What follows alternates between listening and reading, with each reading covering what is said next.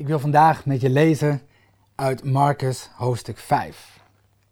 Een aangrijpend verhaal. Een van de meest verdrietige dingen die wij als mensen in ons leven kunnen meemaken, is dat we vastkomen te zitten. Dat we niet tot groei en niet tot bloei kunnen komen. Ik hoor het verhaal over een tiener die van het een op het andere moment uit het leven was gestapt. Een jongen met hobby's, met talenten, maar om wat voor reden dan ook mocht hij er niet zijn. En toen ook zijn beste vriendje tegen hem zei: Joh, ik wil eigenlijk niet meer met je gezien worden, zag hij de zin van zijn leven niet meer in en was er voor hem nog maar één mogelijkheid: eruit stappen. In Marcus 5 lezen we het verhaal van iemand die eigenlijk ook uit het leven is gestapt, maar dan figuurlijk gezien.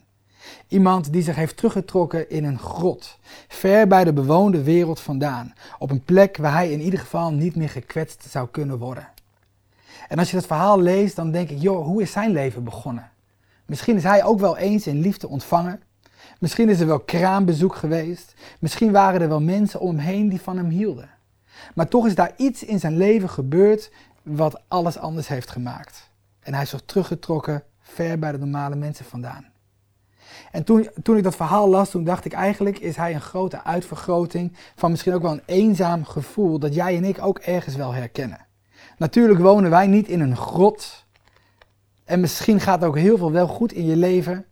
Maar is er misschien ook wel een pijn of een geschiedenis dat je diep in een grot hebt weggestopt? Iets dat er niet mag zijn.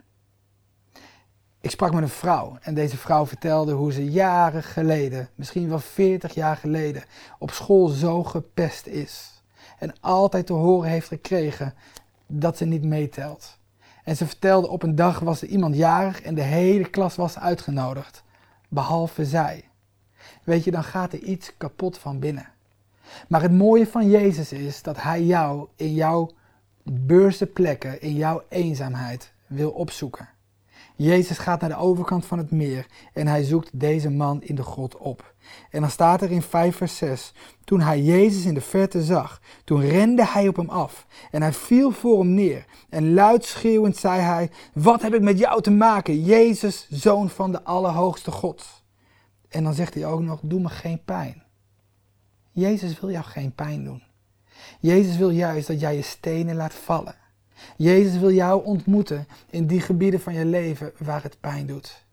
En ik hoop zo dat je in die ontmoeting met Jezus mag meemaken wat deze man ook heeft meegemaakt. Dat Jezus van de een op de andere dag alles anders kan maken. Dat Jezus ook in jouw leven dat wonder van genezing gaat doen. Hij heeft een hoopvolle toekomst voor jou. En hij wil dat jij groeit en bloeit. Alsjeblieft, wees kwetsbaar.